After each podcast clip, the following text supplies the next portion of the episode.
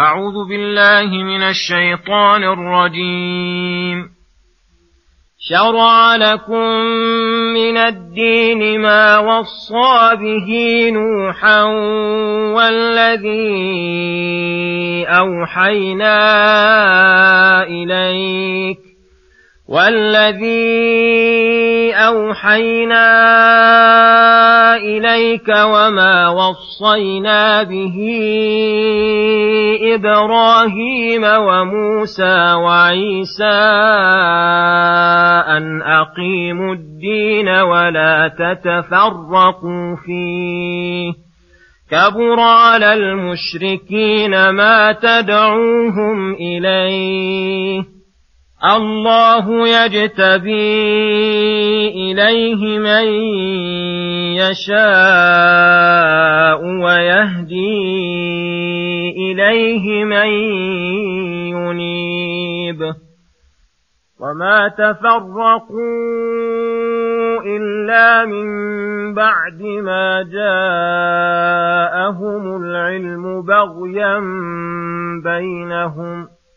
ولولا كلمة سبقت من ربك إلى أجل مسمى لقضي بينهم وإن الذين أورثوا الكتاب من بعدهم لفي شك مريب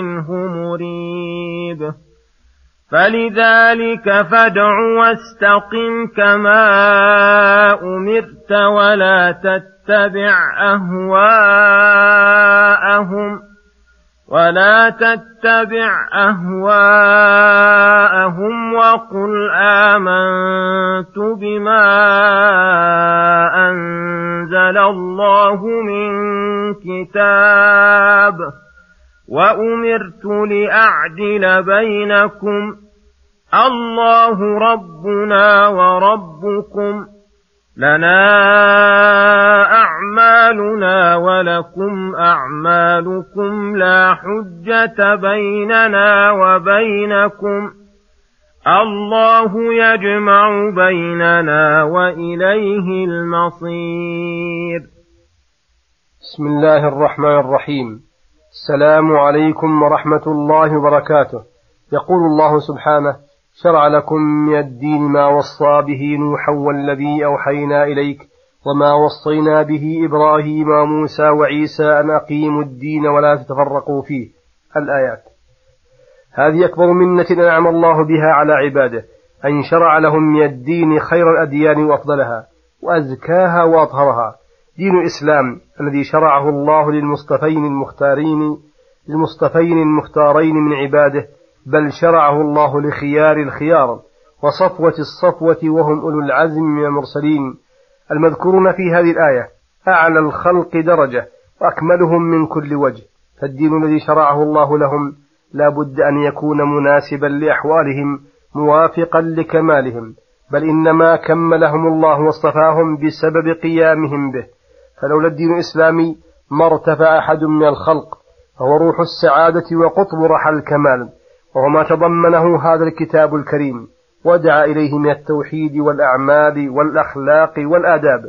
قال أن أقيموا الدين أي آمركم أن تقيموا جميع شرائع الدين أصوله وفروعه تقيمونه بأنفسكم وتجتهدون في إقامته على غيركم وتعاونوا على البر والتقوى ولا تعاونوا على الإثم والعدوان ولا تتفرقوا فيه أي ليحصل منكم الاتفاق على أصوله أصول الدين وفروعه. واحرصوا على أن لا تفرقكم المسائل وتحزبكم أحزابا وشيعا يعادي بعضكم بعضا مع اتفاقكم على أصل دينكم. ومن أنواع الاجتماع على الدين وعدم التفرق فيه ما أمر به الشارع من الاجتماعات العامة كاجتماع الحج والأعياد والجمع والصلوات الخمس والجهاد وغير ذلك من العبادات التي لا تتم ولا تكمل إلا باجتماع لها وعدم التفرق. كبر على المشركين ما تدعوهم إليه أي شق عليهم غاية مشقة حيث, دعو حيث دعوتهم إلى الإخلاص لله وحده. كما قال عنهم وإذا ذكر الله وحده اشمأزت قلوب الذين لا يؤمنون بالآخرة وإذا ذكر الذين من دونه إذا هم يستبشرون. وقولهم أجعل الآلهة إلها واحدا؟ إن هذا لشيء عجاب. الله يجتبي إليه من يشاء أي يختار من خليقته من يعلم أنه يصلح للاجتباء لرسالته وولايته. ومنه أن اجتبى هذه الأمة وفضلها على سائر الأمم واختار لها أفضل الأديان وخيرها ويهدي إليه من ينيب. هذا السبب الذي من العبد يتوصل به إلى هداية الله تعالى وهو إنابته لربه وانجذاب دواعي قلبه إليه. وكونه قاصدا وجهه. فحسن مقصد فحسن مقصد العبد مع اجتهاده في طلب الهداية من أسباب التيسير لها كما قال تعالى يهدي به الله من اتبع رضوانه سبل السلام وفي هذه الآية أن الله يهدي إليه من ينيب مع قوله واتبع سبيل من أناب إلي مع العلم بأحوال الصحابة رضي الله عنهم وأن شدة إنابتهم إليه. شدة إنابتهم دليل على أن قولهم حجة خصوصا الخلفاء الراشدون خصوصا الخلفاء الراشدين رضي الله عنهم أجمعين. ولما أمر تعالى باجتماع المسلمين على دينهم ونهاهم عن التفرق أخبرهم أنهم ينبغي لهم ألا يغتروا بما أنزل الله عليهم من الكتاب فإن أهل الكتاب لم يتفرقوا حتى أنزل الله عليهم الكتاب الموجب للاجتماع. ففعلوا ضد ما يأمر به كتابهم وذلك كله بغيا وعدوانا منهم فإنهم تباغضوا وتحاسدوا وحصلت بينهم المشاحنة والعداوة فوقع الاختلاف. فاحذروا أيها المسلمون أن تكونوا مثلهم. ولولا كلمة سبقت من ربك بتأخير العذاب القاضي إلى أجل مسمى لقضي بينهم ولكن حكمته وحلمه اقتضى تأخير ذلك عنهم. وإن الذين أورثوا كتاب من بعدهم أي الذين ورثوهم وصاروا خلفا لهم ممن ينتسب إلى العلم منهم لفي شك منه مريب أي لفي اشتباه كثير يوقع في اختلاف حيث اختلف سلفهم بغيا وعنادا فإن خلفهم اختلفوا شكا وارتيابا والجميع مشتركون في اختلاف المذموم. فلذلك فادعوا إلى الدين القويم والصراط المستقيم الذي أنزل الله به كتبه وأرسل رسله فادع إليه أمتك وحضهم عليه وجاهد عليه من لم يقبله واستقم بنفسك كما أمرت أي استقامة موافقة لأمر الله.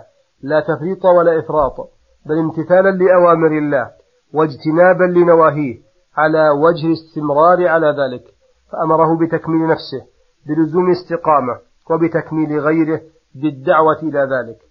ومن المعلوم أن أمر الرسول صلى الله عليه وسلم أمر لأمته إذا لم يرد تخصيص له ولا تتبع أهواءهم أي أهواء المنحرفين عن الدين من الكفرة والمنافقين. إما باتباعهم على بعض دينهم أو بترك الدعوة إلى الله أو بترك الاستقامة فإنك إن اتبعت أهواءهم من بعد ما جاءك من العلم إنك إذا لمن الظالمين. ولم يقل ولا تتبع دينهم لأن حقيقة دينهم الذي شرعه الله لهم هو دين الرسل كلهم ولكنهم لم يتبعوه بل اتبعوا أهواءهم واتخذوا دينهم لهوا ولعبا. وقل لهم عند جدالهم ومناظرتهم آمنت بما أنزل الله من كتاب. أي لتكن مناظرتك لهم مبنية, مبنية على هذا الأصل العظيم الدال على شرف الإسلام وجلالته وهيمنته على سائر الأديان. وأن الدين الذي يزعم أهل الكتاب أنهم عليه جزء من الإسلام. وفي هذا إرشاد إلى أن أهل الكتاب إن نظروه مناظرة مبنية على الإيمان على الإيمان ببعض الكتب أو أو ببعض الرسل دون غيره فلا يسلم لهم ذلك لأن الكتاب الذي يدعون إليه والرسول الذي ينتسب إليه من شرطه أن يكون مصدقا بهذا القرآن وبمن جاء به. وقوله المرسل لأعدل بينكم أي في الحكم فيما اختلفتم فيه فلا تمنعني عداوتكم وبغضكم. يا أهل الكتاب من العدل بينكم ومن العدل في الحكم بين أهل الأقوال المختلفة من أهل الكتاب وغيرهم أن يقبل ما معهم من الحق ويرد ما معهم من الباطل. الله ربنا وربكم أي هو رب الجميع. لستم بأحق به منا. لنا أعمالنا ولكم أعمالكم. من خير وشر. لا حجة بيننا وبينكم.